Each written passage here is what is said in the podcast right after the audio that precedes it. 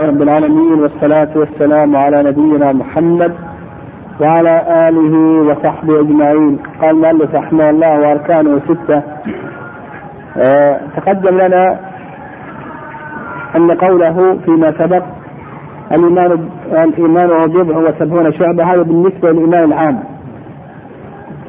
وقوله وأركانه هذا بالنسبة للإيمان الخاص الذي هو العقيدة فإن أركانها كان الإيمان هذا آه، ستة أشياء.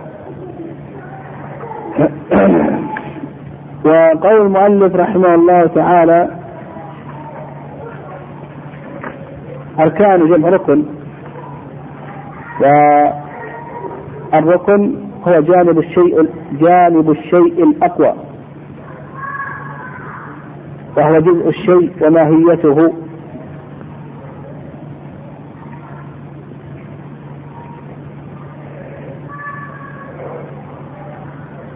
قال ستة. ودليل هذا ما ذكر المؤلف رحمه الله من الأدلة من القرآن. ليس البر أن تولوا وجوهكم إلى آخره. وأيضا قال الله عز وجل إن كل شيء خلقناه بقدر. قال أن تؤمن بالله. وهذا حيث عمر رضي الله تعالى عنه. أن تؤمن بالله. الإيمان بالله عز وجل يشتمل على أربعة أمور. الأمر الأول الإيمان بوجوده والثاني بألوهيته والثالث بربوبيته والرابع بأسمائه وصفاته. تكلمنا عليه ولا ما تكلمنا عليه؟ ها؟ بوجوده طيب. الإيمان بوجود الله عز وجل. والإيمان بوجود الله عز وجل دل على ذلك الفطرة والعقل والشرع والحس. الفطرة والعقل والشرع والحس. أما الفطرة فكل مخلوق قد فطر على الإيمان بوجود الله عز وجل. من الإنسان والطير والحيوان إلى آخره.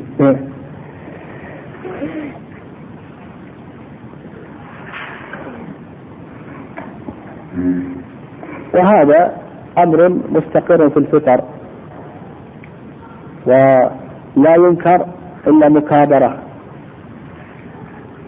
كما قال الله عز وجل عن فرعون وجحدوا بها واستيقنتها أنفسهم ظلما وعلوا.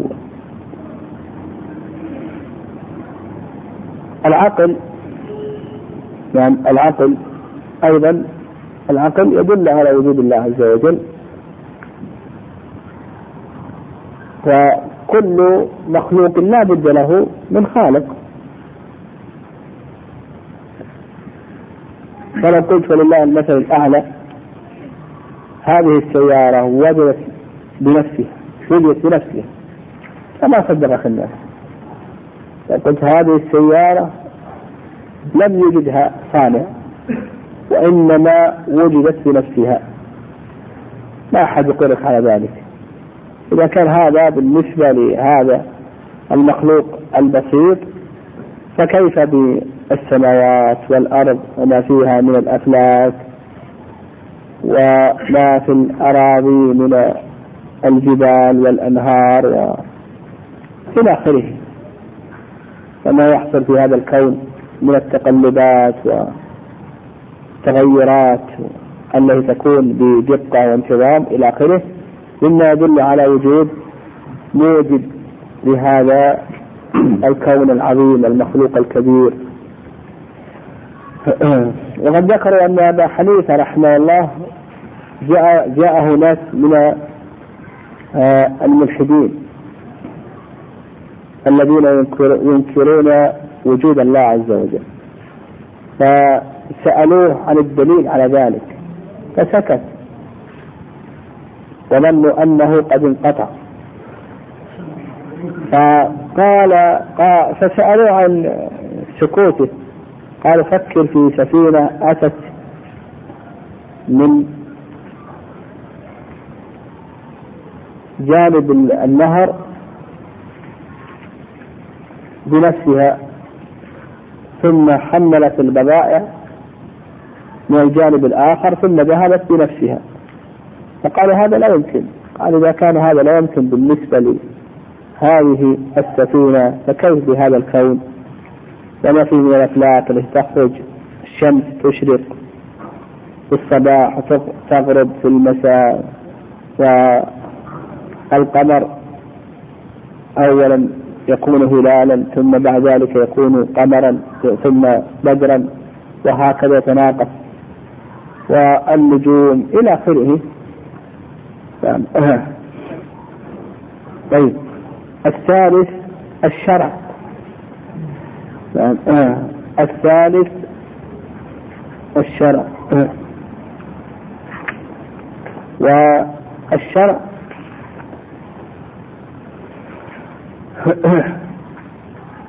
وأيضا يعني قبل أن الله عز وجل ضرب في في القرآن عده ادله عقلية لكن نحن ذكرنا دليلا عقليا واحدا لكن الله عز وجل ضرب عده ادله عقلية. فمن ذلك ما ذكره الله عز وجل في آخر سورة ياسين. وضرب لنا مثلا ونسي خلقه. قال من يحيي العظام وهي رميم قل يحييها الذي أنشأها أول مرة. هذا هذا دليل. الذي أنشأها أول مرة الذي خلق هذه العظام أول مرة. هذا قادر على ماذا؟ على خلقها مرة ثانية. هذا يدل على وجود الله عز وجل. يدل على وجود الله عز وجل. فالذي خلقها المرة الأولى ثم قدر على إعادة المرة الثانية هذا يدل على وجوده إلى آخره. طيب. آه الثاني دائرة الشرع أو الثالث دائرة الشرع. فالكتب السماوية التي نزلت من عند الله عز وجل ورسل الله عز وجل كلها تنطق بذلك. نعم كلها تنطق بذلك. وما نزلت هذه الكتب ولا أرسلت هذه الرسل إلا لعباد الله عز وجل. ولا يمكن أن يكون هناك رب معدوم لا يعبد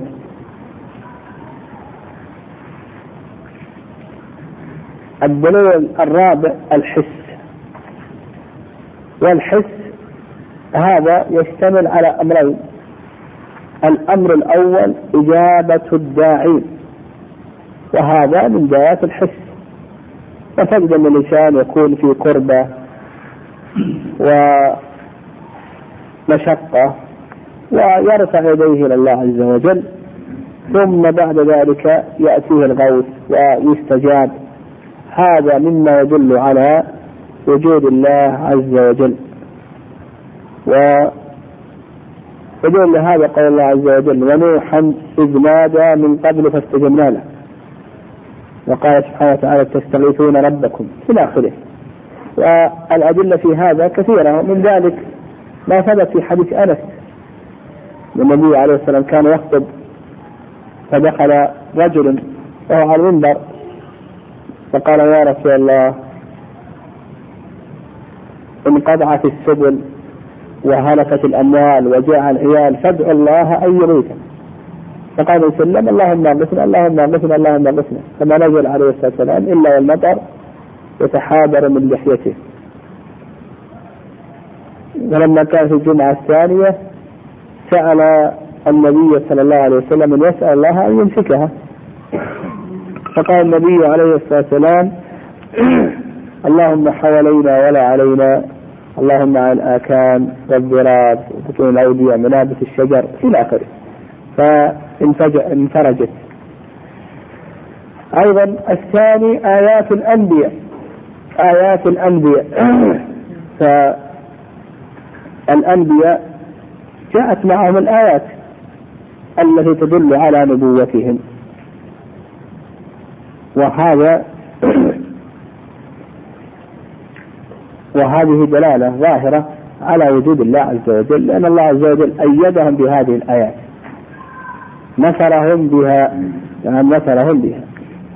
فموسى جاء قوم بعدة آيات. منها العصا الذي انقلبت حية تسعى ومنها أنه ضرب البحر فانفلق فكان كل فرق كالطود العظيم. ومنها إذا استسقاه قوم فضرب الحجر فانفجرت من المياه إلى آخره. وعيسى عليه الصلاة والسلام يبرئ الأكمى ويحيي الموتى إلى آخره. ونبينا محمد صلى الله عليه وسلم له آيات كثيرة. من ذلك تكثير الطعام وتسبيح العصا الحصى بين يديه ونبع الماء من بين أصابعه وانشقاق القمر. وغير ذلك. الآيات في هذا كثيرة جدا. هذا ما يتعلق بالإيمان بوجود الله عز وجل. الثاني الإيمان بربوبيته. وذلك بأن تؤمن بأن الله عز وجل هو الخالق خلقا مطلقا والمالك ملكا مطلقا والمدبر تدبيرا مطلقا. المالك الخالق المدبر. المخلوق يخلق. لكن خلقه ماذا؟ نعم. خلقه مقيد ومحصور. مقيد بالشرع. ليس له أن يخلق شيئا لم يأذن به الشرع. ومحصور. قد يخلق هذا الكتاب لكن ما يخلق هذا القلم. الملك أيضا المخلوق قد يملك. المخلوق قد يملك لكن ملكه أيضا مقيد ومحصور مقيد بالشرع ومحصور قد يملك هذا الشيء ولا يملك غيره. كما أنه أيضا مقيد في أي شيء بالشرع.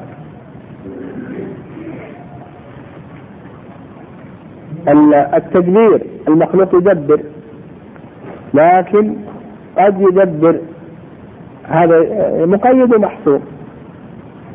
لا مقيد بالشرع بما أذن الشرع به وأيضا محصور. قد يدبر هذا الشيء لكن لا يدبر غيره. فالخلق المطلق والملك المطلق والتدبير المطلق إنما هو لله عز وجل. الثالث الإيمان بألوهيته سبحانه وتعالى والإيمان بألوهيته يعني إفراده سبحانه وتعالى بالعبادة وألا يصرف شيء من أنواع العبادة لغير الله عز وجل. كما قال سبحانه وتعالى ولقد بعثنا في كل أمة رسولا أن اعبدوا الله واجتنبوا الطاغوت. وقال سبحانه وتعالى أأرباب متفرقون خير أم الله الواحد القهار؟ وأيضا قول الله عز وجل وإلهكم إله واحد لا إله إلا هو الرحمن الرحيم إلى آخره. الرابع الإيمان بأسمائه وصفاته بأن تثبت لله عز وجل ما أثبته لنفسه وما أثبته له رسوله صلى الله عليه وسلم من الأسماء والصفات بلا تحريف ولا تكييف ولا تمثيل ولا تعطيل. ليس كمثله شيء. وهو السميع البصير. فكل ما أثبته الله عز وجل لنفسه من الأسماء ما أثبته لنفسه من الصفات سواء كانت هذه الصفات صفات خبرية أو كانت صفات فعلية أو كانت صفات معنوية هذه كلها سواء كانت صفات خبرية أو كانت صفات معنوية أو كانت صفات فعلية هذه كلها يجب إثباتها لله عز وجل. قال وملائكته أيضا هذا الركن الثاني إذا كان من أركان الإيمان أن تؤمن بملائكة الله عز وجل. والملائكة خلق غيبي خلقوا من نور. خلق غيبي خلقوا من نور.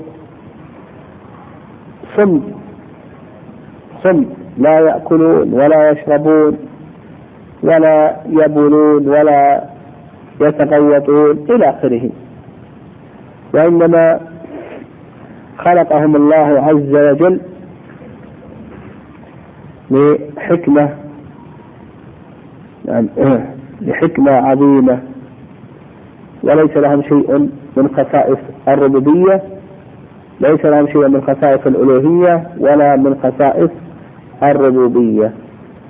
وإنما خلقهم الله عز وجل لحكمة عظيمة فهذه الحكمة غاية سامية وهي عبادته سبحانه وتعالى وتنفيذ أوامره. فالله عز وجل منحهم الانقياد التام بأمره والقوة على تنفيذه. وعددهم كثير لا يحصى. ولهذا ثبت أن البيت المعمور يدخله كل يوم سبعون ألف ثم لا يعودون مرة ثانية. كل يوم يدخله سبعون ألف إذا خرجوا لا يعودون. مرة ثانية يدخلون ويصلون. هذا كم عدد الملائكة؟ شيء لا يحصى. يعني لا يأتيهم لا يتمكنون من الرجوع مرة ثانية من كثرة الملائكة. يدخلوا كل يوم سبعون ألف ملك يصلون فيه ثم يخرجون ولا يعودون مرة أخرى. والإيمان بالملائكة يتضمن عدة أمور. الأمر الأول الإيمان بوجودهم. الأمر الأول الإيمان بوجودهم. والأمر الثاني الإيمان بما علمنا اسمه منهم. فنعلم أن هناك ملكا اسمه جبريل. نؤمن بذلك. وملكا اسمه ميكائيل وإسرافيل. إلى آخره نؤمن بذلك. وأما ما وأما من لم نعلم اسمه منهم فنؤمن به على سبيل الإجمال. نؤمن به على سبيل الإجمال. مثلا هناك ملائكة كما قال الله عز وجل ما يلفظ من قول من قول إلا لديه رقيب عتيد. هؤلاء الملائكة الذين يكتبون الحسنات والسيئات ما أسماءهم ما ندري نؤمن بذلك إجمالا. الملائكة الذين يحفظون ابن آدم ما ندري إيش أسماءهم نؤمن بهم إجمالا.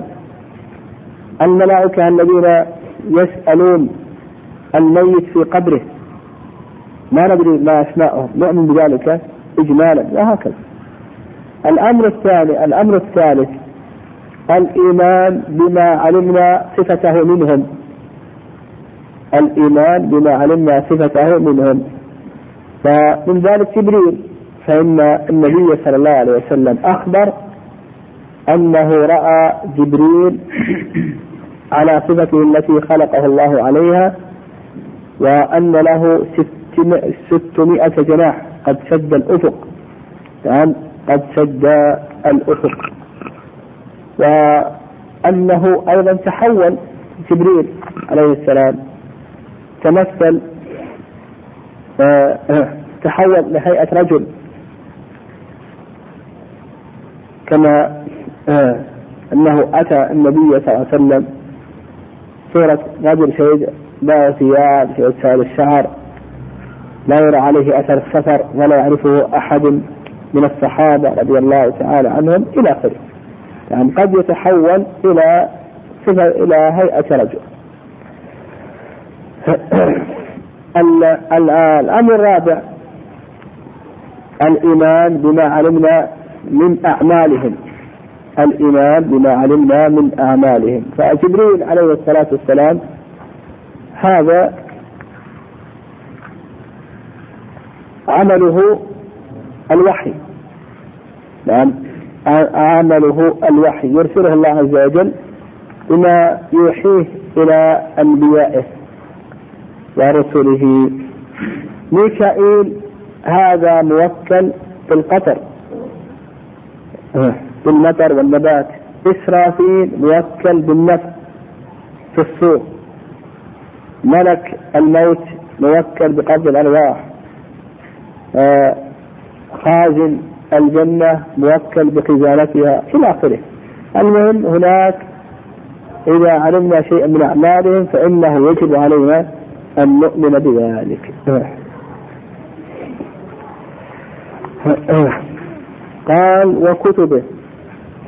وكتبه. شيء؟ واصل. طيب. أيضا هذا الركن الثالث من أركان الإيمان. الإيمان بكتب الله عز وجل. والكتب جمع كتاب بمعنى مكتوب والمراد بها كتب الله التي أنزلها على رسله. والإيمان بالكتب يتضمن عدة أمور الأمر الأول الإيمان بوجودها. وأنها منزلة. من عند الله عز وجل حقا. الأمر الثاني الإيمان بما علمنا اسمه من هذه الكتب. فهناك كتاب اسمه القرآن والتوراة والزبور والإنجيل إلى آخره. نؤمن بهذه الأسماء. وأيضا الإيمان بمن أنزلت عليه من الرسل. القرآن أنزل على محمد والتوراة على موسى والإنجيل على عيسى والزبور على داود إلى آخره. وأن من لم نعلم اسمه فنؤمن به على سبيل الإجمال. ونؤمن أن كل رسول أنزل معه كتاب. كل رسول أنزل معه كتاب. لكن آه، من علمنا أو ما علمنا اسمه نؤمن به. فعلمنا بعض أسماء الكتب نؤمن بها. التي ما علمنا اسمها منها هذه نؤمن به على ماذا؟ على سبيل الإجمال الله عز وجل يقول لقد أرسلنا رسلنا بالبينات وأنزلنا معهم الكتاب والميزان. فدل ذلك على أن كل رسول أنزل عليه كتاب كذلك أيضا نعم كذلك أيضا. من الإيمان بالكتب الأمر الخامس آه العمل بما جاء تصديق الأخبار الموجودة فيها. ما لم يدخلها التحريف. ما لم يدخلها التحريف. أما القرآن لم يدخل التحريف. أما التوراة والإنجيل إلى آخره فهي دخل التحريف. والعمل بما جاء في القرآن هذا السادس. يعني ما فيها من أحكام هذا يعمل بما في القرآن. القرآن ناسخ لما قبله من الأحكام. والأخبار يصدق. كل الأخبار الواردة ما لم يدخل في ذلك التحريف. وقد ذكرنا أن التحريف دخل الكتب السابقة ما عدا القرآن. الله أعلم.